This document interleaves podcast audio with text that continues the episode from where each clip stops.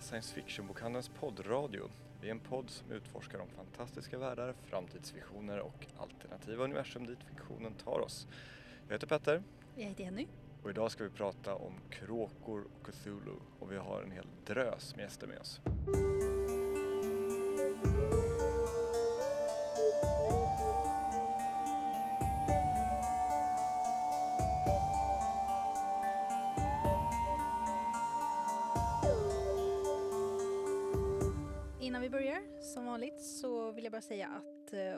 Har frågor eller synpunkter så kan ni höra av er till oss på podd sfbok.se, podd med 2D, om ni vill mejla. Annars kan ni ta kontakt med oss via Instagram eller Facebook, där bokhandeln finns. Och eh, om ni skickar era frågor och synpunkter dit så skickas det vidare till oss. Japp, det gör det. Men eh, ja, idag så har vi ju så många roliga gäster med Så oss. många roliga gäster. Ja, eh, jag tror de faktiskt är fem sammanlagt. Ja, Men inte samtidigt. nej, som tur är.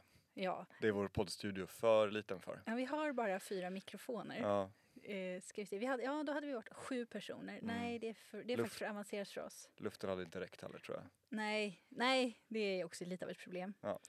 Men eh, ja, först eh, så kommer ju eh, Peter Bergting och Anders Fager. Japp. De ska prata om sin nya bok Kråkorna. Eh, och efter det så är det du Jenny som har...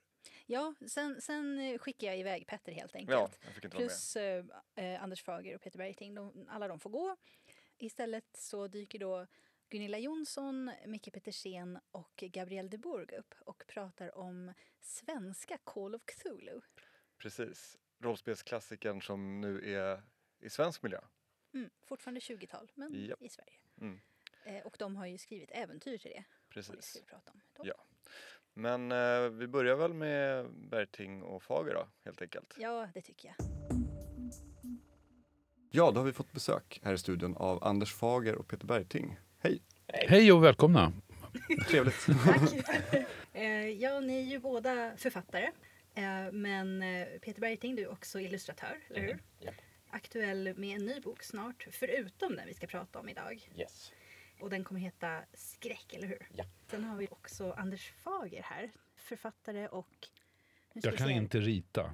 Nej, men du kan konstruera speläventyr har jag hört. Ja, det har jag. Ja, det är väl mitt sådär senaste släpp. Jag är inblandad i den svenska utgåvan av of Cthulhu där jag dels har skrivit några noveller och dels varit med och gjort historiska artiklar.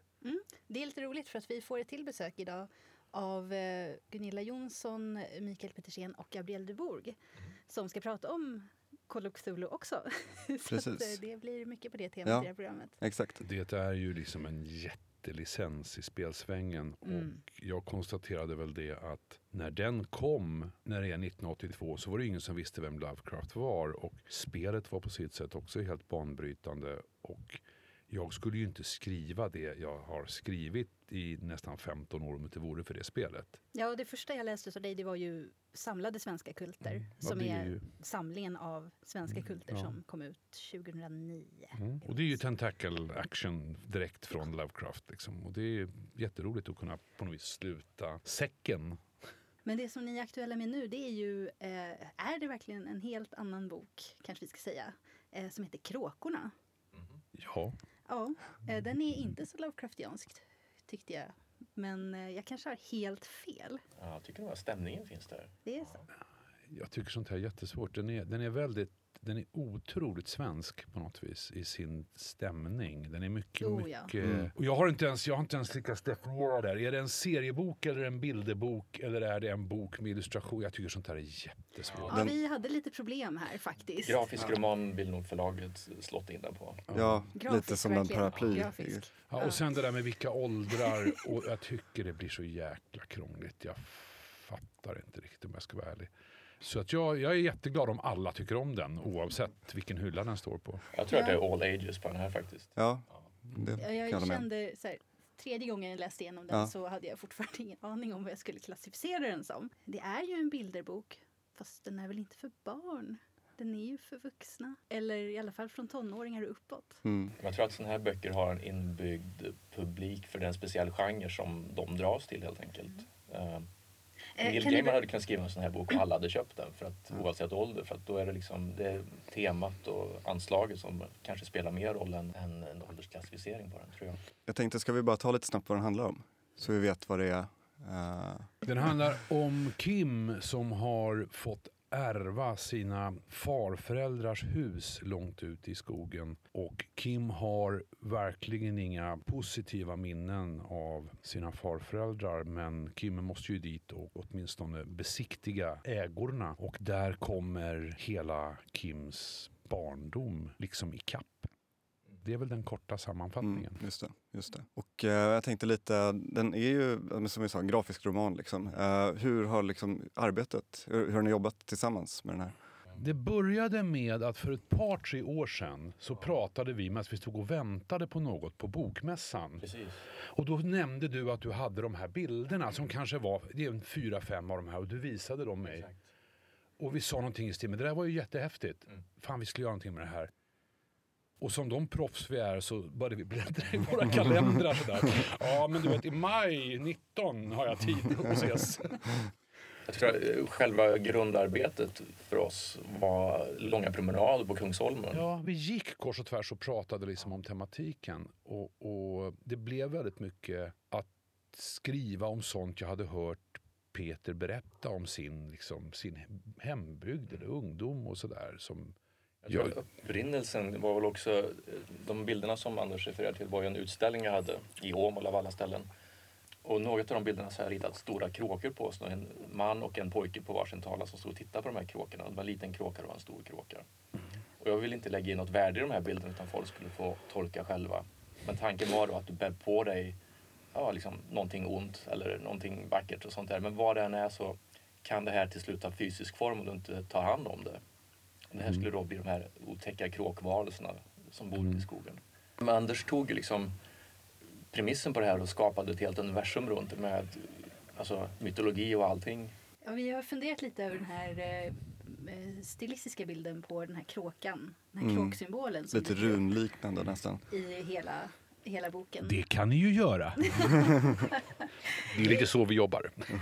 Ja, mycket, mycket tolkning, Mm. eller hur? Mm. Från läsarens sida som, som måste göras. Ja, vi har ju pratat mycket om huruvida huvudkaraktären faktiskt ser, eller liksom hur pass fysiska de här kråkvarelserna är. Liksom. Eh, om det är någonting som bara liksom är en symbol för eh, Kims eh, liksom sinnesbild av, av det förflutna eller om det är liksom något annat. Eller om de välter träd när de Ja, kommer. ja men precis, exakt. Precis. Jag tänkte även lite på eh, att det, det känns som det finns, det finns någonting mer. Eh, liksom en, ja, som du sa, mytologin, jag tycker man känner av den väldigt väl. Det är lite så här, eh, jag fick lite hereditary-vibbar. Mm. Lite. Hereditary just. Ja, den handlar ju om den här matriarken som, Mm. som går bort och det visar sig att hon har varit del av någonting, Mm, någon stor tänker kult. så, typ ja. så. Och att det var lite, man fick lite vibbar att de här eh, farmor och farfar kanske också, det är kanske bara jag som, som har läst Nej, in det här. det, det är jätteroligt Ja. att höra när folk Ja. har läst grejer Ja. och verkligen läst aktivt. Mm. Och det är jätte, jätteroligt. Det är ju för, för, det är för de läsarna man skriver för att de kan sen komma tillbaka och fråga sånt här. Mm. Men du, det här. Mm. Eh, och själv sitter man verkligen så här, wow. Men jag tror att det lämnar mycket öppet för tolkningar också, det gör den. Eh, är han galen eller är de på riktigt? Vi säger ju inte någonting. Ja, för jag tänkte också på de här lapparna som, som Kim hittar. Mm. Eh, och några är ju skrivna av farmodern och några av farfadern. Eh, och några är lite... Vem har skrivit de här lapparna? Inte bara lapparna kanske, utan snarare texten som förekommer i bilderna. Mm. Jag, jag, alltså jag tyckte det var väldigt kul att, att försöka se vem, vem är det som talar här. Är det huvudpersonen som tänker eller är det någon som talar till huvudpersonen i den här bilden? Och att det inte alltid är liksom, eh, det är inte samma svar för alla bilder heller. Mm. Intressant. Det är, det är ju flera olika röster och eh, det där satt vi ju med. Jag gör det där och jag tror att jag gör det där på ett helt intuitivt plan. Jag vet ju vem det är som pratar. Och jag skrev otroligt mycket sådana där lappar. Det finns säkert som man skulle kunna tapetsera hela, eh, ja, inte här- hela det här rummet, men en ordentlig vägg i alla fall med sådana här små lappar. Och farmor och farfar grälar om vem som är mest dement. Och, Mm, och det är mm. shoppinglistor och gud vet allt. Men någonstans så blev det där väldigt, jag hör ju vilka som är vilka, sen kanske det är kul vad ni tror För det är ju kul med ett verk där man själv börjar liksom lägga det här pusslet. Man Mm. ser ju skillnaden på handstilarna. Precis. Mm. Ja, just det. Eh, Mm. och det var det som... Alltså när man läser om boken och liksom Mm. tittar mer noggrant på varje mening Mhm. eh, som är skrivna liksom med, med handstil och inte liksom den här tryckta texten. Precis. För Första gången man läser så är det bara att nu vill jag veta vad som händer. Och sen går man tillbaka för man inser att det händer så mycket mer än vad vi Mm. ser i texten. Texten och bilden eh, interagerar ju på ett sammanflätat sätt. Det går liksom inte att läsa dem var för sig. Nej, precis. Det var därför jag undrade lite om ni arbetade fram berättelsen liksom. Ja, men det är intressant. Det, det, så, det stämmer faktiskt. För att Anders skrev ganska mycket, Mm. men sen skrev han ibland ingenting alls nästan, utan att det var mer ledord. Mm. Här händer det något. Ja, sådär. Som att det Mm. gick över från text till någon slags scenanvisning. Mm. Och då gjorde jag bilder och sen kom de då tillbaka till Anders och så fortsatte han. Och vice versa. Så att, Det var väldigt roligt. Eh, Och de här besvärjelserna också som, som dyker upp eh, som farfadern sägs ha använt. Mhm. Det är så men är det besvärjelser eller är det bara dementa upprepningar av eh, eh, saker som han inte ska glömma? mm. Det är en hel C-uppsats det här. Och det vore kul att få höra, läsa den C-uppsatsen. ja, det finns så mycket som inte sägs i boken också. Jag, jag vet inte hur mycket du har tänkt på det, men jag ser liksom framför mig eh, kanske en släkthistoria också. Som att hur mormodern eller farmodern liksom kom från kanske Finland och var liksom finsk häxa och sånt där. Det, vi säger ju inte någonting sånt uttryckligen. Men det finns så mycket invävt i bakgrunden som man kan kanske komma på själv eller liksom fantisera om. En av mina favoritbilder är ju den här, man ser första, en sida så är ju farmodern då som ung flicka Mm. och sen vänder man blad. Precis. Ja. Den, just den bilden baserade jag på jag sökte på finska häxor på 1800-talet. Det finns otroligt grymma bilder. Det tror jag inte att du har berättat för mig faktiskt. Jag bara påpekade att det vore cool om det fanns en ung och en gammal variant. För jag tror att hon var mitt emellan från början. Just så här visa män och visa kvinnor på så här 1700-1800-talet. De hade ju rätt mycket fuffens för sig liksom, med kycklingfötter och allt möjligt sådär. Så man kan väva in mycket sånt. I, liksom, i tape, in the tapestry. Mm. Det finns fortfarande någon slags, vad ska vi kalla det för, folklig så här hokus pokus ute på vischan. Alltså fram till industrialismen och, och den här vet vi ju nästan ingenting om idag. Det är så här små grejer som, och det kan vara äldre än asatron. Det är en helt egen, det är en helt egen världsbild. Jag har ju egna erfarenheter som jag inte kanske liksom tog med i manuset såklart men som jag bakade in i alla fall mentalt i bilden. Alltså, min mormor hon vill alltid tvätta upp kläder i lite gött vatten för att få bort det onda ur dem. Jaha. Så, sån här, alltså, hemmamagi liksom. Ja. Det har dykt upp i en del saker jag har läst också. Just det här att innan Sverige band samman av järnvägen Mhm. så fanns det väldigt många samhällen som bara var helt isolerade. Mm. Och där saker levde kvar i hundratals år efter att eh, Sverige officiellt var kristet. Mm. Men Mm. Och det är ju det som den här eh, finska Kalevala, den är ju faktiskt vad man väldigt aktivt har gjort i den är ju att intervjua så att säga den sista generationen som minns en tid före järnvägen. Alltså någon gång under andra halvan av 1800-talet. De här människorna som verkligen har suttit i yttre jävla Rovaniemi isolerade i tre generationer. Ja, Men vad har du för historia att berätta? Och det, för att sen kommer det kollektiva medvetandet med järnväg, med Jenny Lind och Carl Larsson beskriver hur en jul ska se ut och ett hem ska se ut. Och när, den här, alltså, när det börjar tryckas bilder i tidningar och sånt, det kommer ju också där. Att det på något vis likriktas mer och mer. Liksom. Och idag går vi in på Youtube och klär oss som i South Central. Liksom. Det är, ja, eller vad du vill se ut som. allt finns på Youtube, det är det som Ja. styr ja, idag. helt klart. Eh, Men om man tänker på inspirationer och så. Det är en väldigt klyschig fråga. Ja. Men eh, jag tycker ändå att det är kul att höra alltså, eh, specifika verk som har påverkat er. Kanske inte direkt, men eh, Specifikt för den här boken. eh, jag kan ju börja med det. men i allmänhet kanske ännu viktigare ändå. Mm, det tror jag. Jag växte upp med fantasy. I, som sagt, i Åmål fanns det inte så mycket att göra så att jag läste allt. Då menar jag allt. Liksom, Tanith Lee, Ursula K. Le Guin, Moorcock, Alltså man Labour. på biblioteket Ja, eller? mm. Det var den där hyllan som Hyllan. var Ja, precis. Ja, i, i bestämd form. inte Sigurds. 9-12-hyllan utan fantasyhyllan. jag känner igen det där också. Mm. Jag hade läst eh, alla Lord of the Rings 18 gånger tror jag innan jag fyllde 20. Så att, Ja. Mm. Ja, jag kommer från Bredäng. Där hade vi nog inte så mycket en fantasyhylla som en science fiction-hylla. Så det plöjde jag. Eh, Men eh, just för den här boken så har jag försökt hitta, tror jag, hit, bläddra i såna här, ja, men jag är väldigt mycket från förort. Jag är, det är ju det är en intressant sak som vi har pratat om också, men jag är från Bredäng. Bredäng har ingen historia. Bredäng var, där gick det kor och beta till 1966 eller något sånt där. Och allt som fanns där då var det här länktornet. Men jag kan tycka just den paradoxen är jätteintressant. För mig är det jätteexotiskt med de här stugorna som är, som är på väg ner i humusen. Och jag vet att jag, jag, var, jag var uppe och släckte skogsbrand för två somrar sedan uppe i Hälsingland. Och där är det ju också de här paradträbaronhusen som ligger längs den här vägen. Och sen bakom dem så ligger de här stugorna där uppe, tjänstefolk och sånt. Och de är på väg ner i marken. Det är någonting, naturen äter upp dem igen. Och det är sådana bilder kan jag tycka är jättehäftiga. För mig det är liksom, det är mycket ballare än rymdvarelser att det finns. Sen hade jag en sång av Patti Smith som heter Birdland som egentligen är mer någon slags diktläsning från hennes första LP. Hade jag i huvudet när jag skrev det här. För det handlar om någon som ärver sin fars farm. Och sen är det en massa konstiga fågelskockar där och det låter som de här, det här kråkmolnet som Mm. jagar Kim. Det finns med där, det låter verkligen så. Så att det var min sådär hemliga ljudkuliss. Den kan ni lyssna på medan ni läser den här. Birdland med Patti Smith. Det får vi länka Ja. till i programinfon. Helt klart. Ja, ska vi göra. På en sak. Jag sa ju, kallade Kim för han. Mm.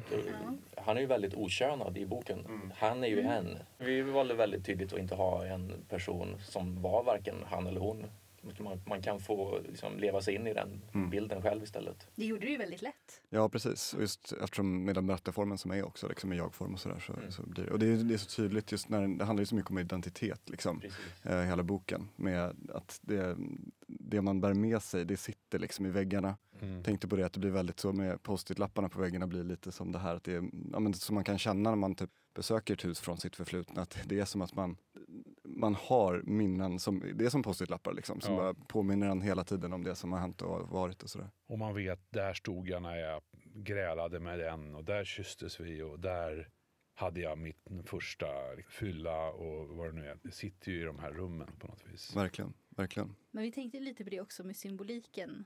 Det var det jag undrade lite också här med påverkan. För att eh, ni har ju valt att använda just kråkor. Och nu sa, ju, nu sa ju du att det var för att du såg den här, de här bilderna av, på just de här kråkorna som du hade då på din utställning. Mhm. Eh, var det verkligen där allting började? Ja, för mig i alla fall. Jag visste ju bara att han var en känd tecknare innan dess. De, den bilden till den här utställningen, det var den första jag sålde från den här utställningen. För det var, det var någonting som slog an med just det uttrycket i den bilden. Mm. Den grep många. Och jag tror att, som Anders såg, att det fanns en berättelse som ville bli berättad i den. Som inte jag hade berättat. Det låter otroligt pretentiöst men det var verkligen så. Att, ja, men det här går ju att berätta något om. Ja. Och jag har varit väldigt fascinerad av den här bilden med kråkan som sitter på ett biltak. För att den här Ford, bil, heter Ford Cortina. En sån hade mina föräldrar när jag var jätteliten. Och precis, det är någonting med de där baklyktorna på den som är väldigt... Det är sån här bilnördgrej för att det är en helt egen design. Det har aldrig gjorts vare sig förr eller senare. Med just Ford Cortina baklyktor och jag varit alldeles sådär. Den talar till mig. Nej, men det är också en sån här bild som kom till lite annorlunda. Det finns en bilkyrkogård uppe i norra Dalsland. Man måste åka bil genom snåriga skogsvägar i en timme nästan. Sen ska man gå och sen så kommer man fram till den här jättebilkyrkogården. Det är så Dalsland på något Och det är vis. verkligen så här, det står skyltar så här, typ kom inte hit, du blir skjuten och sånt där. Nej, men, Ja, de bor inte kvar de som har dem. utan Det är liksom ett turistmål nu Ja. verkligen. Man kan åka dit och, och glo på dem. Men det det växer har, det träd genom Ja. bilarna och sånt där. Det är skithäftigt. Så en av de bilarna så talade till mig de här folkkortinan. ja, det finns ju så mycket symbolik eh, just i kråkfåglar. mm, Eh, är det någonting som ni specifikt har valt och eh, vad ska man säga, eller försökt och, och ha förstärkt i eh, den här berättelsen? Någon specifik inriktning? För det kan ju vara både positivt och negativt. mm, Ja, Jag, jag skulle ta ett steg tillbaka. Jag, hade, eh, jag har upprört få gånger på Facebook så, så att det liksom har växten exploderat sådär. En gång om Håkan Hellstrand och den andra var om vad är kråka och kaja egentligen? Det är väl samma sak. Och, folk höll på, Nick Bananas, kråka, kaja, skata, så korp. Det är inte samma fågel. Det är ju Ja. lite jag tror vi hade lite liknande diskussion igår. Ja, det är väldigt tydligt. Det finns en råka också om man är nere ifrån. Råka? Ja okej. Eh, nej men det, är- det är väldigt och jag vet att jag i huvudet har ju, jag tycker just kråkor och korpar är ju så jävla häftiga för att de är så här stora och man ser ju att det här är, de är ju inte dumma i huvudet och de kollar. De är sådär som, som björnar också gör, att de liksom vad säger man? They're looking for an angle på allting. Sådär, mm, går det här att sno? Går det här och, går det här och mm, vad håller de på med här? Det är mycket sånt. Men sen det här flockbeteendet, det är ju kajor. När de sitter 600 stycken och så bara bestämmer de sig för att nu drar vi. Och så, så byter de tak i Vasastan sådär. Det är ju ett helt annat beteende. Kråkor skuttar ju omkring själva. Så det kanske inte är kråkor, det kanske är en symbolik bara för en fågel som ser ut som en kråka. Det är en metafor.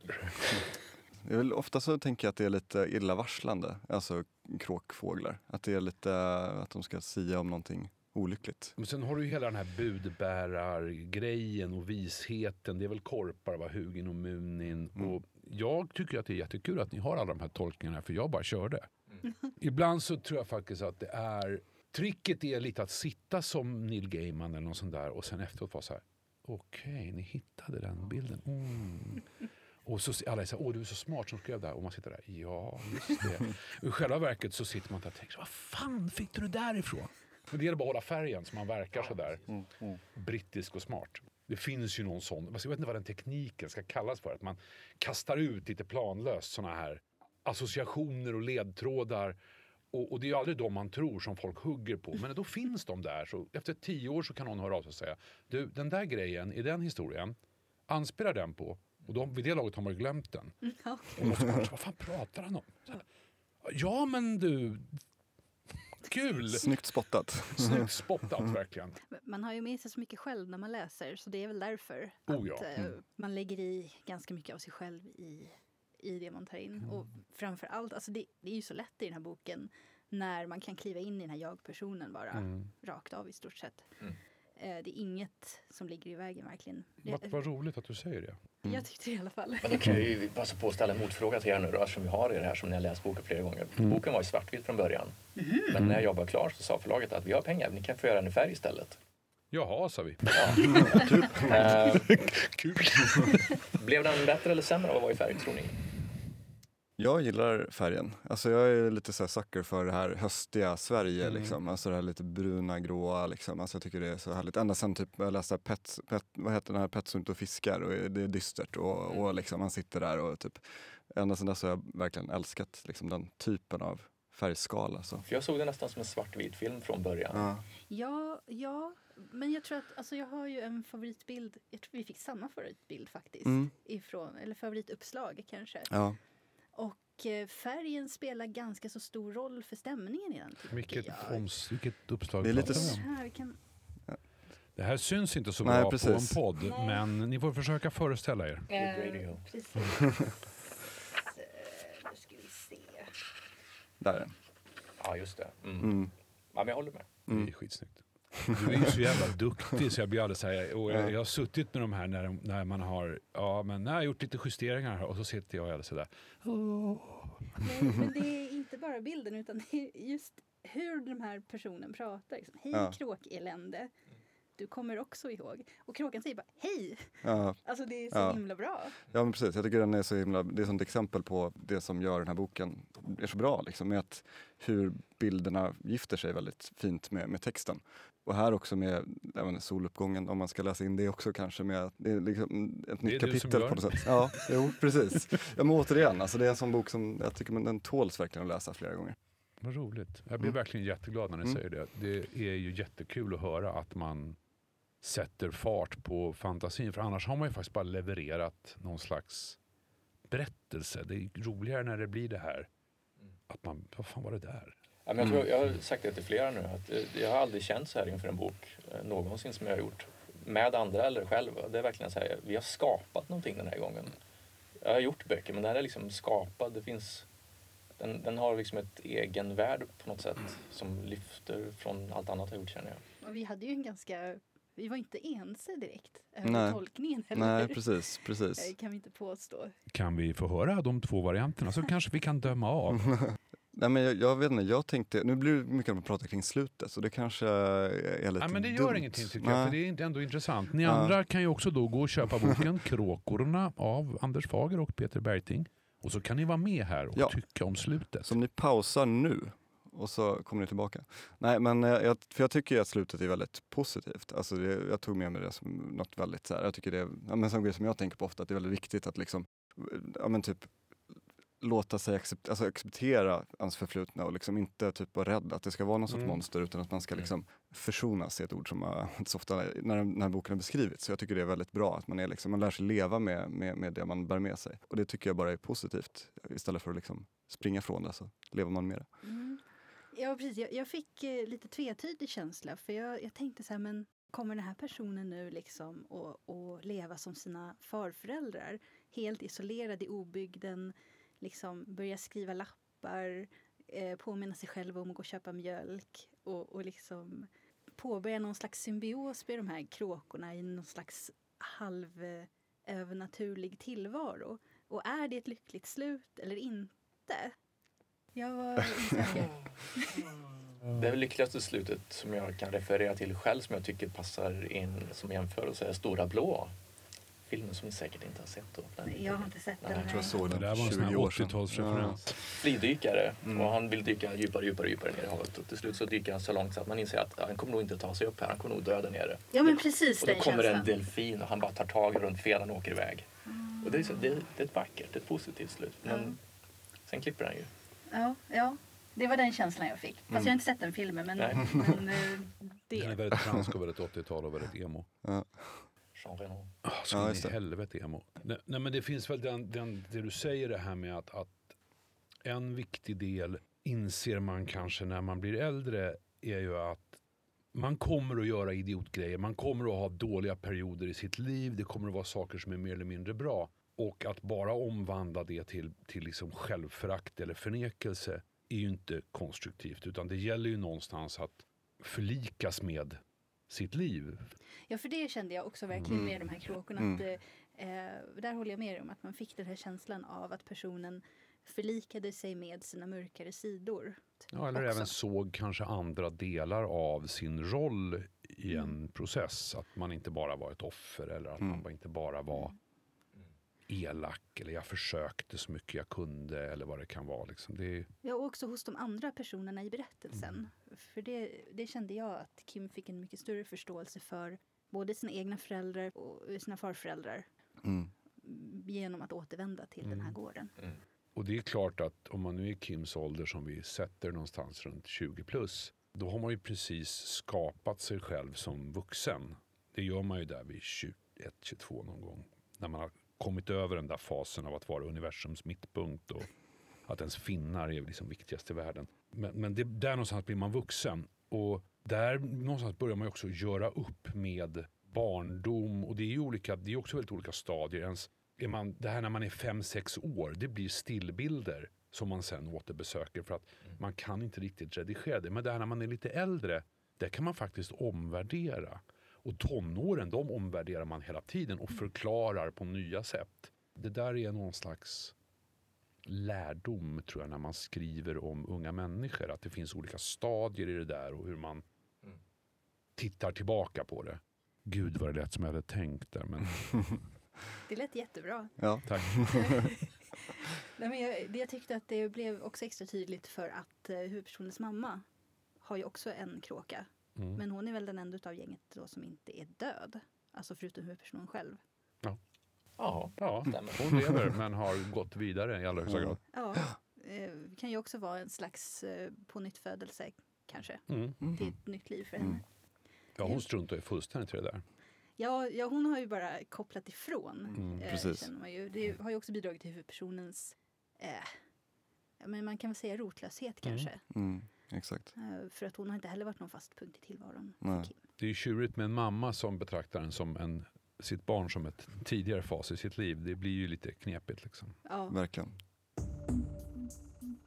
Vi pratade ju lite om eh, hur vi skulle dela in den här i för genre. Ja, var vi skulle ställa den i bokhandeln någonstans. Ja, det var, var ju också ett problem. Ja. Eh, Mellan Gaiman och Lovecraft. Ja.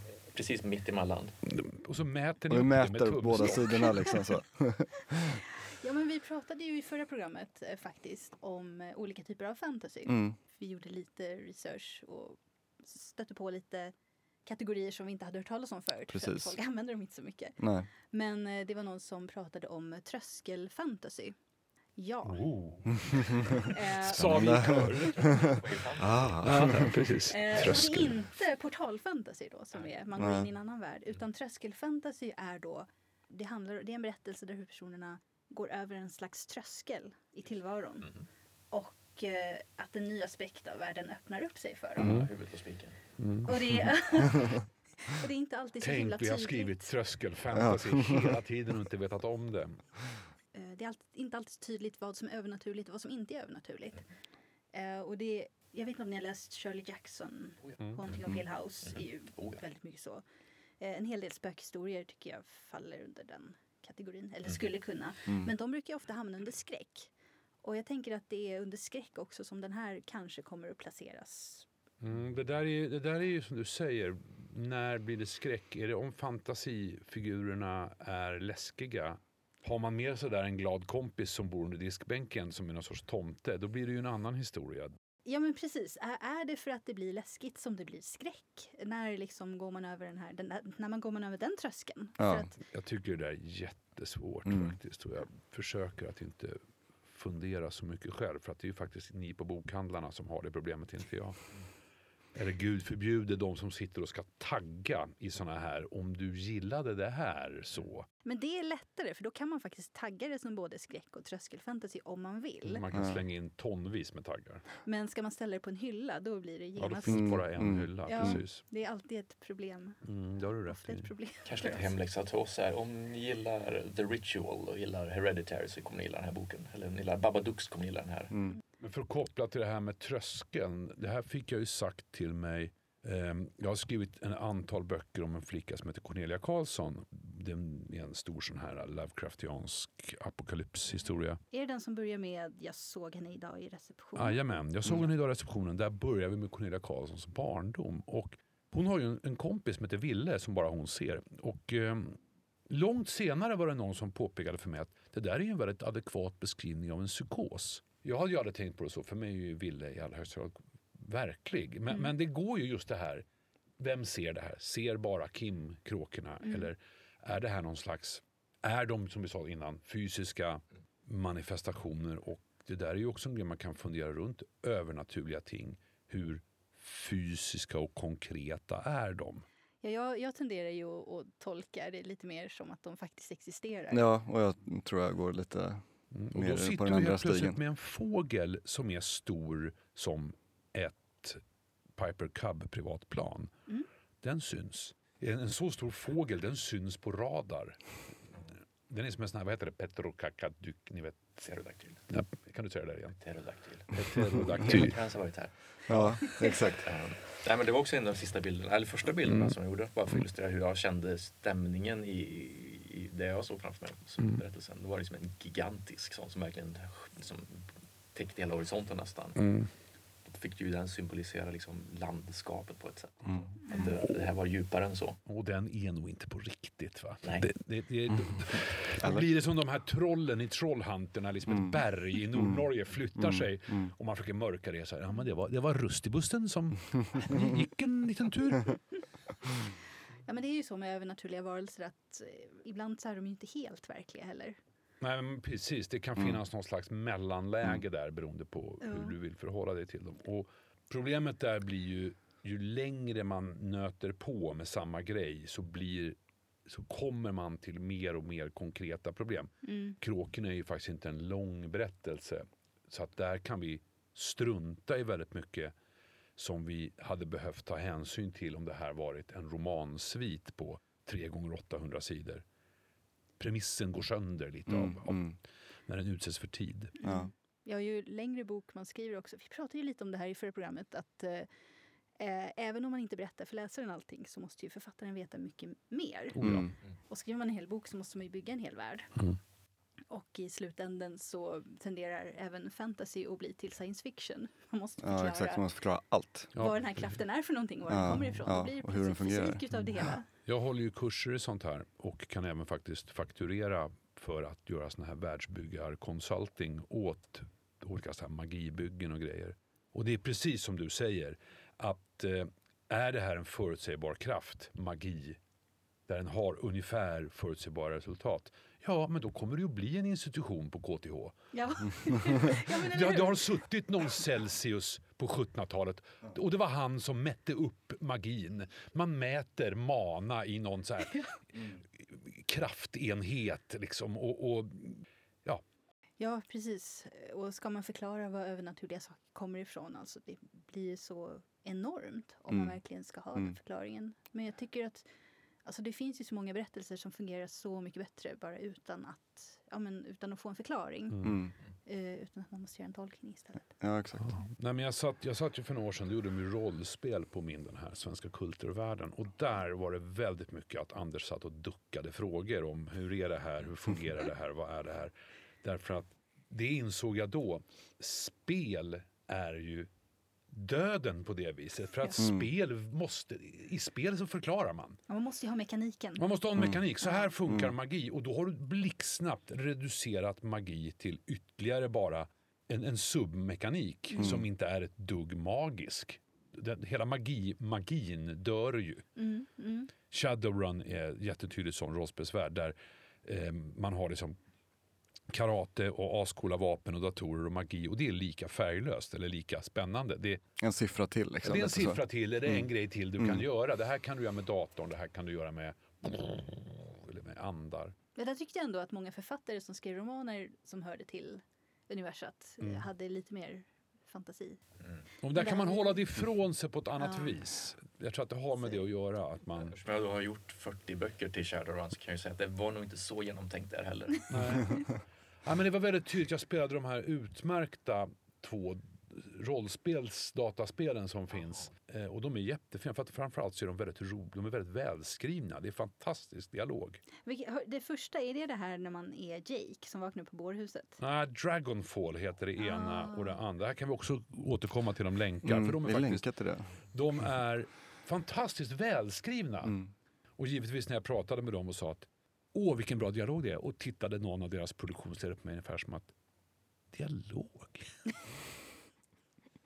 Där är det någon som har jobbat eh, Ja. och, och inte fått någon Nej, erkännande. precis. Är det, det, är ingen som, det är ingen som märker någon skillnad. Nej. Så Nej. kan det ju vara ibland med sådana grejer. Med, Det finns ju ett äldre Shadowrun tv-spel till Super Nintendo. ja just det, där är det bara någon sorts, Ja, men det är bara något duellspel. Man, nej, nej, nej. Det, Finns, det är ett rollspel. Man går omkring... Eh, man går om, jag tror att det är, antagligen var det menat att vara till PC från början. För att det är en sån här muspekare som man måste styra med. Jag spelade det här när jag var liten. Också det är översatt till svenska. Mm. Eh, jätteroligt. Jag är väldigt svag för Shadowrun också då. Ja. Mm, Ja, men jag gillar det är någonting med den, drakar och datorer. Det är Den, inte en karriär utan det. Så att. Ja. ja, det var så det gick igång. Ja, men det var mitt första storyjobb i USA. Liksom. Mm. Jag jobbade åt dem i många år. Mm. Det ledde ju till TSR och White Wolf och Mm. sen. Så. Ja. att- Ja, du har gjort mycket i de där gamla böckerna. Det visste inte jag faktiskt. Jaha, okej. För att uh, Shadow var ju, var ju, det var en av mina första stora så här, jag har ju aldrig spelat rollspelet. Ja, Alltså, Mm. på rollspelet. Bug City någon gång på 90-talet där, 95 Mm. kanske. Så jag fick ta livet utav Dunkelsand. Oh, var det du? Jajamän, sprängde honom. Det förklarar din relation till Dunkelsan.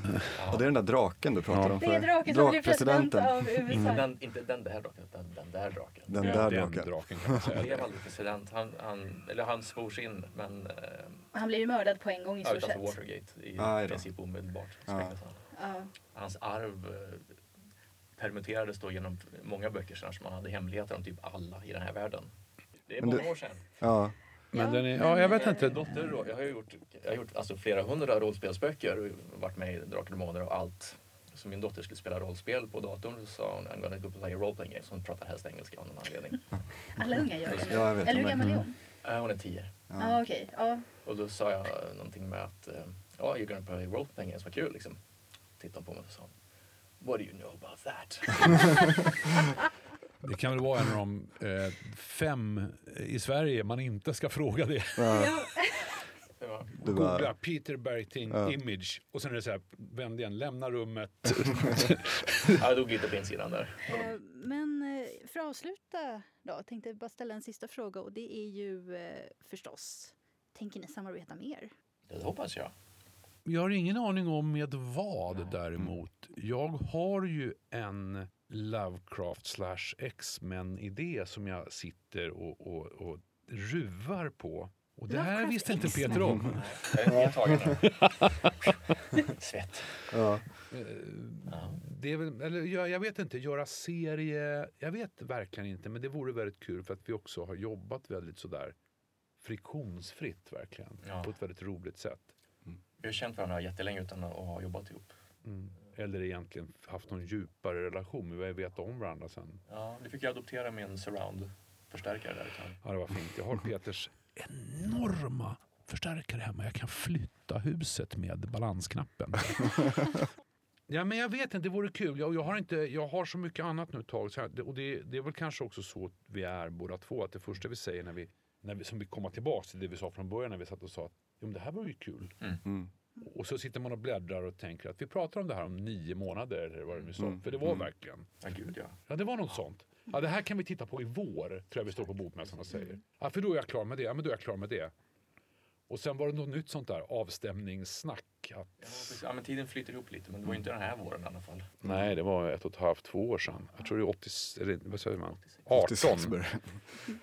Vi står där på bordet, till och med Mm. 17. För jag vet att jag hade den här mappen med de här bilderna. Liggande länge på datorn. Och, och den hette sådär Peter Bergting. Och att det här var mitt sådär framtidsprojekt. Jag skulle jobba med Peter och titta på det här. Du har ju precis avslutat ett projekt. Din eh, andra bok, Ja. Skräck, kommer ju ut 18 september, Just det. vilket är snart. Mm. Eh, Jag tror att det är någon vecka efter det här programmet släpps. Mm. Ja.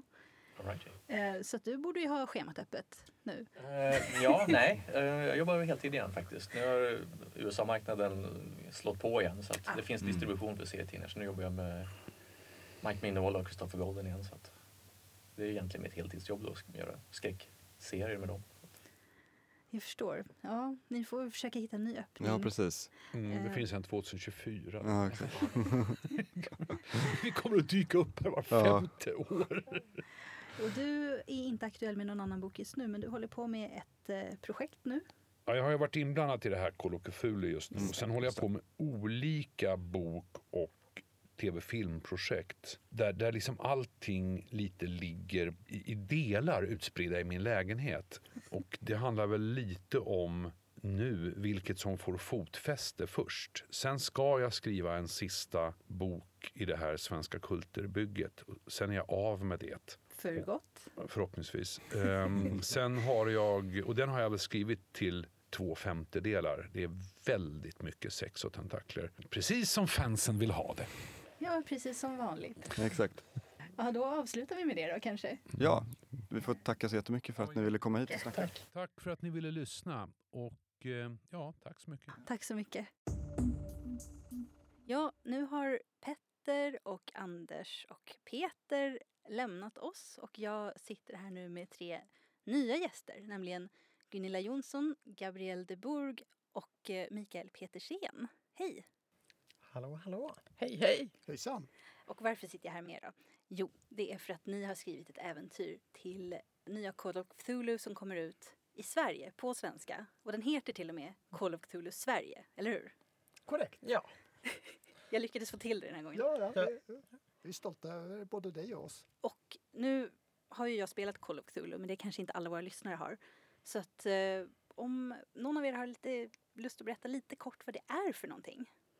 det är det förmodligen mest kända skräckbordsrollspelet överhuvudtaget. Och det utspelar sig i H.P. Lovecrafts universum där onda gudar väntar bortom verklighetens slöjor. Och mänskligheten är obetydliga som insekter. Och det är ett mysteriefokuserat rollspel så mycket av det handlar om att lösa olika mysterium och sen såklart gärna bli galen på kuppen för den unika grejen med Call är att du har det som är sinneshälsa så att du behöver inte bara akta dig för att bli sliten i stycken av dessa uråldriga monster Utan eh, det är ofta värre att överleva och inse vad du stöter på. Eller hur? Det är den bästa biten, Mm. tycker jag. Och dessutom kanske man ska lägga till att Cthulhu är som allra mest populärast när det utspelar sig i 1920-talet. Mm. Så även originalspelets fle- flesta kampanjer och äventyr utspelas på 1920-talet och allt som har kommit till Sverige så här långt utspelas på 1920-talet. Så också våra äventyr. Precis, för ni är ju nu aktuella alla tre som är både författare och rollspelsförfattare. En liten distinktion kanske. Eller eh, rollspelsäventyrsförfattare kanske man ska säga. Ja. Eh, och eh, ni har både skrivit äventyr tillsammans och var för sig. Eh, och det ni har skrivit tillsammans heter ju då eh, Den gula filmen, eller hur? Det stämmer bra. Och den kom ut faktiskt för bara ett litet tag sedan, 28 eh, augusti. Och den har ju sålt slut. Men vi hoppas att vi får in fler snart. Det är fler beställda, jag lovar. Snälla, hjälp mig inte. Fantastiskt. Ehm, vi kan ju börja med att prata om den kanske. Och alltså jag tänkte ju direkt på Kungen i gult. Det, det är visserligen ett undersökare och mysteriespel men lite så här flagranta ledtrådar får man ju ge. Till exempel i titeln eller på omslaget där det gula tecknet syns i grinden på, till filmstaden i Råsunda utanför Stockholm. Som gränsar till Carcosa. Det är ganska uppenbart att den gör det också. man ser ju tonen lite där. Det kanske är ännu mer som granskar till Carcosa än bara Mm. Filmstaden. Hint, hint. Ja, vi ska inte avslöja för mycket om vad det handlar om nu. Va? Eh. Men det är stumfilmstema kan vi väl ändå säga. Det är det. Det, det börjar med, jag är alltså gammal filmvetare från början och fick lära mig mycket om hur stor filmindustrin var i Sverige, speciellt på 20-talet, just när vi hade byggt Filmstaden som fyller 100 år i år, passande nog. Och vi eh, fick en väldigt blomstrande filmindustri med stora regissörer som Mauritz Stiller, Victor Sjöström och såklart världens första filmstjärna överlag, Greta Garbo. Så utifrån det så tänkte jag men det vore ju roligt att göra någonting om, om det. Och så kom jag att det finns ju en viss pjäs. Det kanske är några som kom på den fantastiska idén att filmatisera den här. Och sen uh, satt vi och åt lunch på Nordsken och pratade om att vi kanske borde skriva något till något konvent eller så. Till exempel till Gotcon där ju spelet ska släppas. Detta var före coronakrisen. Så då tänkte vi att vi skulle göra ett konventsäventyr som skulle vara roligt att spela och där alla blev helt galna på slutet. Ja, det låter ju som en alldeles strålande idé tycker jag. Ja, det tyckte vi också. Men sen blev det ju inget konvent så nu får folk bli galna hemma istället. Precis. Ja, inte bara av isoleringen då, utan eller isolationen. Eh, method acting helt enkelt. ja, Och det är dessutom ett äventyr där vi har tänkt inte bara på tidsepoken utan också på att det här är ju stumfilmseran. Vilket innebär att de tips vi har på både vansinnesutbrott man kan få under spelets gång och hur man kan rollspela det så har vi gett lite tankar om att man kan försöka spela lite som det är en stumfilm. Om man blir galen av att se någonting och svimmar så ska man ta sig för pannan och upplysa ah, jag svimmar och falla ihop. Och inte bara, ja, man ska liksom leva sig in lite i stumfilmseran var tanken. ja, det är så här man ska spela spelet alltså. Ja, åtminstone äventyret. Mm. Ja, hur, hur är det med eh, Call of Cthulhu Sverige nu? Om man vill spela till exempel just det här äventyret. Hur gör man då? Vad, vad behöver man? Man behöver ju gärna reglerna till Call of Cthulhu. Men, och gärna de svenska reglerna för det är inte bara en översättning utan det är en överföring till svenska förhållanden med svenska yrken, svensk bakgrund, väldigt mycket bra bakgrund om Sverige på 20-talet som ger en lite annan ton åt spelet tycker jag än det amerikanska som är lite mer film noir kan man kanske säga. Mm. Lite mer gung-ho som man brukar säga. Ja. Ja. I Sverige så fanns det ju inte så mycket skjutvapen. Det fanns inte några speak-easies på det sättet. Det fanns Gröna Lund som tävlade med konkurrenten på Djurgården. Och ja, det var en annan värld i Sverige. Så Ja, men jag menar, så här, vi har inte speakeasies och spritförbud. Vi är istället hela via motboken och eh, eh Rustricks eh, ja, men hela folkrörelsen bakom att kanske få ett spritförbud eller inte. Så det, det blir ju verkligen en annan känsla i det. Ja, skräcken kommer från ett annat, ja. från annat håll. Vi, I äventyret som Mikael och jag har gjort som heter Tjurmannen från Kungsskär så... Den släpps eh, lite senare i år, Ja, den släpps i oktober. Det är en lite längre kampanj. Där har vi använt eh, skräcken från ryska inbördeskriget, finska inbördeskriget, allt som Europa gick igenom på 10-talet som hade sönder människor på 20-talet. Det är ju på något vis Europas tragedi här. Och den gryende totalitarismen, nazismen och fascismen i Italien och Tyskland. Och det är ju element som inte finns i det amerikanska. Så man... Där utspelas ju lite mellan de två stora europeiska tragedierna på den här tiden. Det är efter första världskriget, som då bara kallades för det, det stora kriget, och andra världskriget och nazismens genombrott i Tyskland. Det är en av de två stora katastroferna jag haft i Europa. Det är, ger ett annan svartsyn tror jag åt det historiska och hur det är att vara en rollperson i den här tiden. För man har och många har ju på något sätt upplevt delar av första världskriget. Många svenska militärer, åtminstone ganska många svenska militärer var frivilliga i finska inbördeskriget. Några av dem deltog i det ryska inbördeskriget. Så att det finns ju rätt mycket traumatiserade människor som har sett hemska saker, upplevt hemska saker.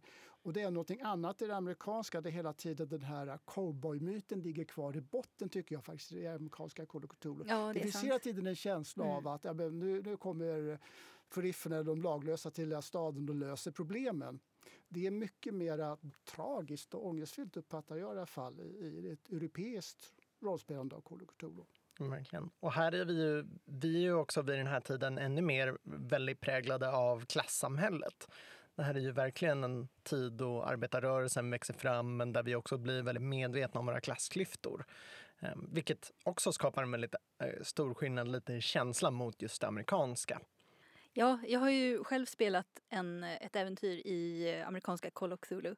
Och eh, ja, det är ju lite mer den här äventyrskänslan i den. Nu, nu utspelar det sig visserligen det äventyret i Europa. Uh, jag har nämligen spelat uh, Horror on the Orient Express. Mm, mm, mm. Uh, som är en miljö som verkligen alltid har fascinerat mig. Mm. Men det, det, känns ändå som att de rollpersonerna som man spelar har inte ett perspektiv som man är riktigt så familjär med, eller så, man är inte riktigt så bekant med, eh, med dem. Det känns fortfarande som man spelar liksom personer från en annan eh, kultur, trots allt. Och eh, alltså jag eh, ser verkligen fram emot att se det här svenska perspektivet för det som ni säger att det, det finns ett annat mörker här. Samtidigt har vi ju försökt eh, bibehålla den här äventyrskänslan. Man ska ju resa hit och dit och det ska vara dramatiska scener och det ska vara lite lättsamt det också. Det här är ju inte något, det är inte något totalt eh, Nej men verkligen inte. deppighetsspel utan det ska ju vara kul också så att säga. Men ett bra sätt att tänka att det här är väl kanske lite mer Tintin än Indiana Jones. Mm. Mm. Eh, för du har ja, men lite annan europeisk ja. touch. Så tänkte vi när vi gjorde Körmannen från Kungsskär. Att hur ska vi få in liksom de här lite mera roliga, spännande sekvenserna? Och då föll vi på de tidiga Tintin-handlingarna. Att där, där finns ju någonting. Det finns utforskning under havet, det finns resa till främmande länder, det finns mystiska kulter. Så Upptäckandet av så mystiska artefakter och Ja, precis. Hemliga och, gångar i pyramiderna. Allt det där ja. finns i Tintin och det känns som en roligare inspirationskälla. Mm. Och både vi och Gabrielle har ju utnyttjat att Europa faktiskt har en mycket gammal historia. Vi har av en händelse i båda våra äventyr, helt oberoende av varann, tagit avstamp i bronsåldern som ju Jaha. är en typ av förhistoria som USA ju inte har. Det är inte samma liksom, typ i alla fall? Nej, inte på samma sätt. Inte i, i folks medvetande. Det är inte så att man kan använda det handlingsmässigt. Nej. Och, och inte riktigt civilisation så långt tillbaka som man trots allt vet en del om. Ja, man får ju gå till eh, ja, men, maya, inka eh, Mm. och alla dem i sådana fall. Och då blir det ju en helt annan känsla. Och det är ändå vår senmedeltid, eller medeltid Ja, så att säga. Det, Det, det fanns ju också Asante och, och, och eh, Pueblo-indianernas civilisationer som var rätt avancerade. Men då har jag väldigt sällan sett dem försökt utnyttja på något Mm. sätt i, i några amerikanska rollspel förutom några vilda västern-rollspel. Ja, är, är det inte så att uh, anledningen till att den tidsperioden här i Europa är ändå, man kan använda den på det här sättet och inspireras av den på det här sättet. För att den har förekommit i så mycket media och i så mycket litteratur. På ett sätt som den inte har i, i liksom den amerikanska, nordamerikanska kulturen innan liksom kolonisatörerna kom dit. Ja, men precis, och jag tror också att det påverkas väldigt mycket av att för oss så är ju ändå det här vår kultur. Ja. Det är ju liksom där Sverige har växt fram, men för många nordamerikaner som är du inte uramerikan så är det här på något sätt ändå inte din historiska kultur på samma Mm. sätt. det gör ju samtidigt att eh, Call Cthulhu i USA och Lovecraftianska berättelser i USA kan användas för att dekonstrueras för att berätta till exempel historier om rasism och slaveri som är i Lovecraft Country som är en bra tv-serie som går nu. Utmärkt Se gärna den. Stark rekommendation. Vi, ja, ja, vi har ju pratat om den en del. Vi har ju fått den rekommendationen från många nu. Eh, ja, min personliga favorit är annars då The Ballad of Black Tom som jag Mm. eh, älskar. Men, men det är ju också, den är ju från eh, afroamerikanernas eh, synvinkel. Mm. Snarare än urinvånarna. Och man ser inte så mycket av det i Lovecraft heller tycker jag i hans berättelser. Eh, just eh, urinvånarvinkeln. Utan det handlar väldigt mycket om främmande element som kommer utifrån i, inom hans livstid kan Ja. man säga. Är, är Dessutom det som han är de urinvånare som fanns i New England de eh, försvann ganska tidigt så att säga så att det fanns inte så mycket kvar av dem vid den här tiden. Det finns ju väl, jag vet inte ens om det finns några reservat av något slag. Nej, nej. Är Det är den sista mohikanen liksom. Det, Ja, det är väldigt romantiserat på 20-talet Ja. skulle jag tro. Mm. Och indianerna var ju liksom, som Gunilla säger, mycket mer romantiserade. Mm. Med Lovecrafts misogyni och rasism är ju extrem på många sätt. Så, Mm. Men nog inte så mycket just mot den amerikanska urbefolkningen. Jag kan inte påminna mig, jag kan ha fel, men jag kan inte så direkt påminna mig att han någon gång har haft dem som förvridna monstrositeter som hotar den vita rasen. Eh, I den här, ja, han har en berättelse som heter eh, He.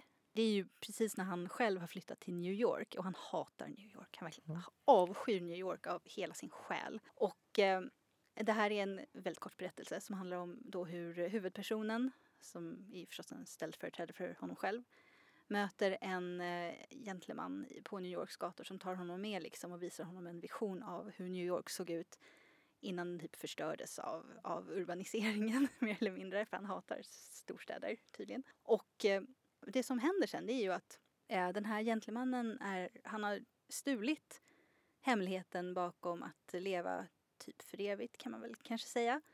Från något indianfolk. Jag kommer inte ihåg om det nämns vilket. Och eh, historien slutar ju då med spoilervarning här. att eh, de eh, mördade indianernas andar tar hämnd på den här gentlemannen genom att liksom komma i någon slags enormt övernaturligt moln av eh, tomahawker och eh, eh, liksom hämndlystnad och bara liksom slaktar honom. Och jag vill lite så här, jag tror inte det här var Lovecraft ville att man skulle få ut av den här berättelsen. Men det man känner är ju så här, ja han fick ju vad han förtjänade. Mm. Mm. Ungefär. Så att det är på ett sätt och vis en ganska positiv framställning av Det finns ju någon sorts dubbelhet i mycket av det Lovecraft skrev, annars skulle vi inte tycka om det allihopa. Nej, ja det är sant. Och Ja. Jag tänker väl att så här, ska jag få killgissa lite så kan det också ha varit att han inte har vidrört uramerikanska Mm. kulturen på samma sätt för att den var relativt högutvecklad. Han, mycket av så här, hans återkommande grej är att han alltid pratar om liksom degenerate på något sätt. Att Mm. det här som inte är den utvecklade kulturen. Men eh, där har vi ju en väldigt utvecklad kultur från när det var. Så att då känns det också lite så här, då, då, ja, Och det finns ju något drag av rädsla för social degradering hos Mhm. honom. Som är liksom, det är en väldigt stark sån skräck, skräckelement och det kan man ju överföra på det svenska 20-talet Mm. där som du säger eh, klassklyftorna är stora, arbetarrörelsen är framväxande men demokratin är ganska skör. Och i, I Tyskland brister den ju och den är inte självklar här heller. Det Nej, hade kunnat brista i Sverige också. Ja, Vi, har ju, vi byter ju liksom regering nästan varje val. Bara en sån sak. Och vi har ju även i Sverige beväpnade högermilisgrupper som ogillar demokratin. Men eh, eh, när ni skrev det här äventyret då, alla ni tre Mm. tillsammans. Hur var det att arbeta tre personer på samma äventyr? Ja, det var hemskt. Det var fasansfullt. Alltså, nej, usch. Men hur gör man när man är tre? Ja, Som när man är två men man är en till då. Vi har ju, Micke och jag har ju alltid jobbat ihop liksom. Ja. Ja, och det, det vi gjorde var ju mycket att så här, processen för oss att skriva som tre var ju att vi delade upp ganska mycket med vem skriver vad men sen hade vi alla de kreativa bitarna där vi liksom kom på handling och spånade fram vad skulle hända. Det gjorde vi tillsammans och sen så sa vi ja, men då går jag och skriver den här delen och ni skriver det här och sen läste vi varandra så uppdaterade för att det skulle hamna ja, men, inline och kännas eh, ihopkopplat. Vi satt ju rätt så länge liksom live så att säga, öga Mm. mot öga och eh, snackade om handlingen och det Mm. tror jag är viktigt. Jag tror att det blir mycket mer tidsödande om man gör det bara i ett dokument som man skickar fram och tillbaka, fram och tillbaka, fram och tillbaka. För mötet ändå skapar en kreativ kick. Ja, men det gör det mycket också för att vi kom ju på nya idéer hela tiden eh, ganska långt in. Alltså en av de stora ändringarna vi gjorde eh, där vi mer eller mindre kom på, att, kom på en antagonist. Det var vår, vårt sista möte ungefär. Ja, Och sen skrev vi om jättemycket för att vi kom på att det här kan vi göra. Och, Det var ju en ren slump. Utan att avslöja för mycket så har regissören att den här karaktärens efternamn, när vi researchade det adelsnamnet så upptäckte vi men vilken speciell adelsmärke, insignia den här personen har. Hmm, tror ni att... Punkt, punkt, punkt. men mycket handlade nog att då hade vi kommit så långt i den kreativa processen så att berättelsen hade utkristalliserat den här Mm. självklara lösningen. Och så är det ju ofta när man skapar berättelser att en, hälften gör det omedvetna. Och Mm. Är man tre då måste man ju synka sina omedvetna precis. och backa och liksom vara lite, lite, man måste ju vara lite varlig mot varann för, så att man inte kör över någon men samtidigt så att det inte blir rappakalja därför att alla får sin vilja igenom. Jo men exakt. Nej, men jag tyckte det var väldigt, väldigt skönt och för mig var det väldigt kul för att det, det fröet jag hade var ungefär en titel.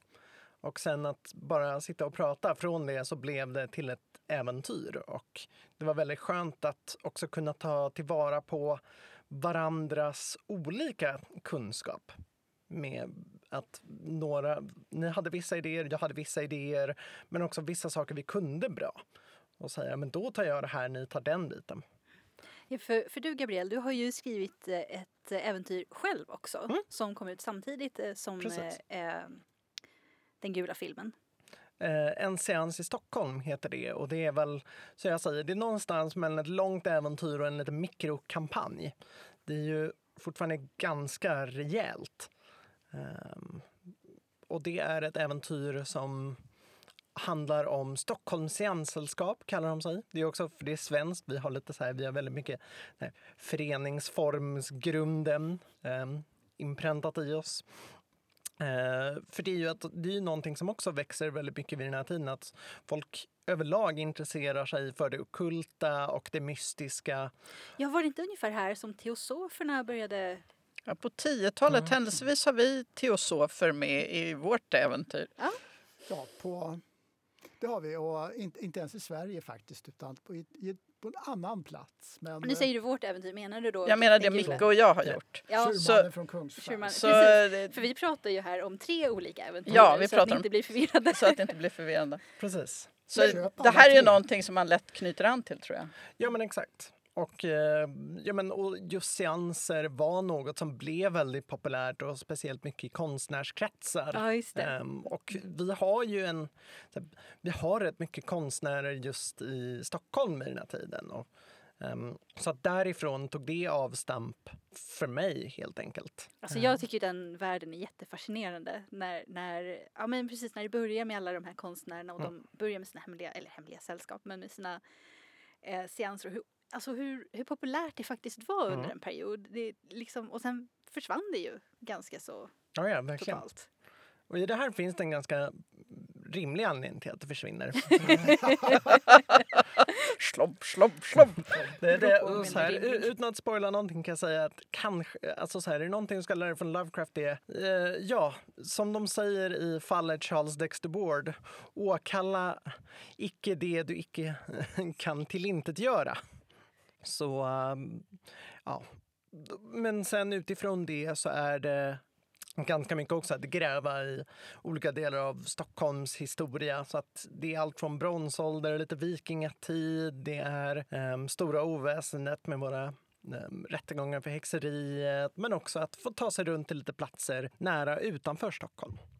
Som jag sa när jag skrev det var att jag tänkte ganska snabbt att så här, men det här ska vara lite som en okult guide-tur att spela det här äventyret. Så att du ska besöka alla stadsdelar minst en gång och du ska vara några av de här, liksom, men gärna vara någonstans i skärgården och liknande för att få lite en Stockholm, Stockholm i Cthulhu experience. Det är ju ett re- turistikäventyr tycker jag. Ja. Du har satsat på lite så här natursköna platser, gärna med lite utsikt. Och det tycker jag känns bra. Det, det, det fångar den här äventyrsandan. Att, Ja, men det är ju, och, och det är ju något som du ser mycket i liksom Tintin, Indiana Jones, men för mig är det faktiskt något jag plockar mycket från alltså gamla James Bond-filmer till exempel. Att är du på en plats, då ska du vilja se de häftiga, kända Um, ja, men kända vad heter det, landmärkena och så. så att, ja, men självklart så ska ju seanserna vara i Röda rummet på Berns. Varför annars är vi i Stockholm till exempel? Ja, Men det är, när, när platsen blir liksom en del av berättelsen så ger det ju ett annat djup också till upplevelsen av att, ja, i det här fallet inte läsaren då, utan kanske spelaren. Ja.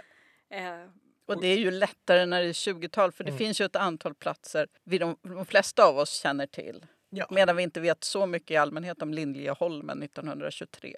Precis. Och jag har ju faktiskt också sagt det att så här, Stockholm får vara lite som en karaktär i äventyret. Mm. Ja, för det, Stockholm förekommer ju eh, inte så mycket längre i eh, vad ska man säga, populärkultur på, det, på samma sätt som historiska platser i till exempel England eller USA gör. Eh, nu kollar ju folk i allmänhet mest på, man tänker på tv-serier och sånt ifrån eh, anglosfären, eller vad man ska kalla den. Så att på sätt och vis så känns det som att medvetandet om hur Sverige var under den här perioden och Stockholm var under den här perioden har liksom försvunnit ganska mycket. Framförallt hos yngre förstås. Men att såna här äventyr kan ju verkligen göra det här levande igen. Och det är som jag tycker är så roligt. Även Tjurmannen från Kungsfär har ett stort avsnitt som börjar i Stockholm och vi har flera handlingstrådar och handlingar som utspelas bara i Stockholm innan vi fortsätter vidare utåt i sann Tintin-anda över delar av världen. Det var faktiskt någon på Facebook som tittade på Gabriels äventyr och på mitt och Mickes och sa att men är det bara Stockholm? Ska det inte vara någonting ute i landsorten? Så nästa gång får vi satsa på landsorten. Vi, Vi har faktiskt landsorten Mm. med. Vi är Ja. utanför Stockholm också. Mm. Det, det är väl där det tar sin början, är det inte så? Mer eller mindre. Eller Mm. Det är där, där man hittar den här Ja, artefakten. En plats som heter Kungsfär avslöjar ju titeln att det, att det någonstans handlar om det. Och baksidan Mm. på äventyret och informationstexten på hemsidan avslöjar också att det har någonting att göra med en, en plats som heter Kungsfär. Där Mm. man hittar ett intressant fynd. Mm. och så är det ju också i, i ditt äventyr Gabriel att eh, de här platserna lite utanför Stockholm är centrala för vad som sen händer. Mm. Det, det finns liksom en sorts bas i, i periferin som göder handlingen. Jo, men precis. Ehm, Så att även om det tar avstamp i storstan så är det inte där det behöver sluta. Och det var ju också något som ganska tidigt i processen pratade som skiljer till exempel of Cthulhu Sverige mot den engelska utgåvan för att den är ofta förlagd till tropen Lovecraft Country, alltså vår, kring Miskatonic Valley, så att du har Arkham, du har eh, Dunwich, Innsmouth och Kingsport och alla hans fiktiva städer. Men här är det ju istället i faktiska städer där vi har försökt hålla oss ganska grounded i platser som faktiskt finns. Mm. För det blir ju också lite av charmen för att det ska vara svenskt. Mm. Att vi inte hittar på någon svensk motsvarighet till Arkham till exempel. Nej, det kanske skulle kännas lite forcerat. Vi har ju. Uppsala och Lund. Ja. Så Och Göteborg, Mm. där Ja. deep ones. Det finns ju tydligen ett riktigt Innsmouth fast i Just det. England. Har jag fått höra. Jag vet inte om det bor några deep ones där dock. Men av någon anledning så har många fått en känsla av att. Deep Ones är något som passar i en svensk Call of Cthulhu-miljö. Mm. Det kände vi också lite spontant sådär. Sverige, ja men då måste det vara Deep Ones. Jag vet inte om det är allt vårt sillätande eller vad som ger den här känslan. Laxen, jag tror det är laxen. Mm. Den rökta laxen, den gravade laxen har fördärvat oss. Ulvön, skulle man skulle kunna ha ett surströmmingsäventyr. Oh. Mm. Här kommer nästa äventyr. Mm. Ja, ja, vi, vi har Början. börjat spåna lite andra grejer över luncher om ni säger så. Ja, vi har faktiskt en idé till till Ja. förhoppningsvis konventsäventyr, men det ska vi inte Mm. avslöja så mycket om. Men Nej. det kanske kommer att utspelas i Göteborg. Oh. Ja, vi är ju väldigt omgivna av vatten i det här landet. Så Ja. att, och vi har ju massa skärgårdar och så. Så Ja. att det är ju fullt naturligt. Och stora insjöar och Ja, annat trevligt. Oh, ja. absolut. Nej, vi, vi pratade tidigare i programmet när jag pratade med Anders Fager och Peter Bergting om eh, skräcken man kan uppleva på landsbygden just. Om man som, både jag och Anders Fager är ju förortsmänniskor, alltså vi har växt upp i förorten i betongen. Och eh, då, man kan ju bygga en alldeles egen kuslighet utifrån ett landsbygdsperspektiv också. Mm. Om man eh, vet vad man gör, vilket jag, jag vet vad jag tycker om när jag ser det, när jag läser det. Men eh, jag vet inte var jag skulle börja själv. Och alltså, jag vet inte hur det är i ert fall, men hur mycket har ni använt av era egna erfarenheter och hur mycket har ni gjort efterforskningar för att kunna skriva det ni har skrivit? Oj, massor med efterforskningar. Mm. Det, är, Jättemycket. det är A och O i allt skrivande, oavsett om man skriver, för, åtminstone tycker jag det. Mm. Skriver man vad som man skriver romaner, rollspel eller rollspelsäventyr eller kampanjer så att göra researchen i grunden i allt. Och du gör en riktig research så inte bara får du alla fakta rätt, du får också idéer och uppslag till det du skapar. Så gör research, det är nästan det viktigaste tycker jag. Men, och här blev det ju, var vi också lite mer bundna till att behöva göra re research för att ingen av oss levde för hundra år sedan. Eh, eh, Så. Tyvärr, så att det är det. Men, men har vi inte berättat nu, nu ska inte alla här få reda på, på alla våra hemligheter. Nej, Nej, men nej, nej. och det gör Stryk ju... det där, ta- bort det! Ta, Eh, nej, men det gör ju att vi blir, vi har ju här varit mer bundna till att, att göra efterforskningar för att kunna förmedla en annan tid, även om vissa egna saker självklart smyger sig in. Men om jag jämför med att skriva till det här, jag har skrivit innan till Varselklotet och jag är uppvuxen på Mälaröarna, så där var det ju väldigt lätt för mig att så här, okej, men jag ska tänka min uppväxt plus lite robotar och grejer. Ehm, för att där har jag ju verkligen den kopplingen. Här blev det ju att, att kunna försöka hitta band mellan ens egna upplevelser mot mot det vi skrev. Jag menar, jag har, är väl kanske också den som har ett av äventyren med ganska mycket, eh, till en viss grad egen erfarenhet. Det är faktiskt den gula filmen. För att utöver att vara filmvetare jobbade jag som filmarbetare ganska länge och var just kameraassistent 1920-talet. Ja, tyvärr På 20-talet. inte 20-talet då, men, eh, men det gör ju att jag var ju den som bland annat försökte skriva och förmedla att ja, men hur är det faktiskt att jobba på filminspelningar och eh, hur är känslan? Och även om det är annorlunda så finns det ganska mycket som ändå är rätt likt. Mm. Ehm, Och det är guld värt för att ge en bra grundkänsla för att det inte ska bli någon sorts generisk skräck som utspelar sig i ett generiskt hus någonstans i världen någon gång. Och jag kan ju säga i mitt fall, det var ju också därför jag skrev en seans i Stockholm och att det var så byggt kring Stockholm. För att jag är uppväxt i Stockholm, jag kan Stockholm bra, jag kan Stockholms historia bra så att då visste jag att ganska snabbt kan jag göra det här spännande. Ni har ju fram tills nu då skrivit sammanlagt, eh, ja, eh, ni tre har skrivit ett äventyr. Gunilla och Micke, ni har skrivit ett tillsammans och Gabrielle har skrivit ett. Men håller ni på med fler tillsammans eller var för sig? Annat än den här lilla vinkeln ni gav just nu om att det kanske är något mer på väg. Tänker du just till eh, Call of Cthulhu Sverige eller överlag? Eh, för, ja, jag tänkte på Call of Cthulhu Sverige men eh, jag vill förstås veta vad ni skriver mer.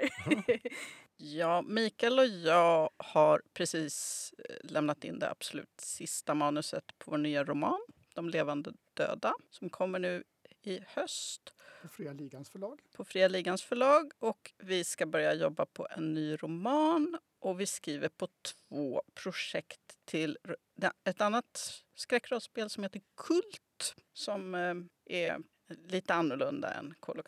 Ett är ett historiskt äventyr, så mycket kan vi säga till Kult. Ja, som lite... Ja, det utspelar sig också på 20-talet. Vi blev inspirerade av 20-talskänslan och tänkte om man gör, skruvar till lite hårdare här och gör det lite vidrigare så blir det här bra till kult också. Det låter ju fantastiskt. Och så vi, jobbar vi på ett lite längre kultäventyr. Och inte bara, ja, det är ett litet kultprojekt kanske man ska till och med säga. Det är inte bara en, ett äventyr. Det kan nog tänkas vara lite mer än ett äventyr också. Ja, för alla som, vi belagda med, med munkavel på den här frågan. Om vi berättar mer om det här så kommer Peter Nallo komma hit och döda oss alla fyra. men vi, I bästa fall, eh, annars så... fall. eh, Ja, det är bäst vi passar oss här. Han är farlig. Farlig. Men eh, för alla som undrar vad Kult är för någonting så länkar vi till det i programinfon helt enkelt. Så kan ni titta på det. Det är också ett rollspel förstås. Som ni kan lära er mer om i den trevliga K-specialdokumentären på SVT som visas den 11 september. Ja, vi kan ju se om vi kan länka till den också. Om det går. Och just nu så, jag har mer haft när, nu har väldigt mycket saker jag har jobbat med kommit ut så att jag har inte lika mycket jag sitter och skriver på. Eh, Men jag sitter just nu och skriver på ett lite mindre äventyr till The Troubleshooters som är ett äventyrsrollspel inspirerat av franco-belgiska serier som till exempel Tintin Tintin. och Spirou. Eh, Men min blir en liten rock'n'roll-resa i London på 60-talet. Oh. Eh, och sen så kickstartas just nu sagospelet Rymd och eh, går allt vägen så ska jag skriva några miniäventyr till det. Och sen har vi, som vi hintade, börjat prata lite om att göra mer till Call of Cthulhu men det är, det är fortfarande i fröstadiet. Men sen utöver det så har jag spenderat de senaste, senaste månaden med att bara få väldigt mycket saker jag gjort släppta. Som både Call of Cthulhu men också rollspelet Nordiska väsen där jag har skrivit ett av äventyren till äventyrsboken En grym hemlighet som ska komma ganska snart. Mm. Och sen så skrev jag även till P1 Dramas radioskräckserie Skymningsland som kom rätt nyligen.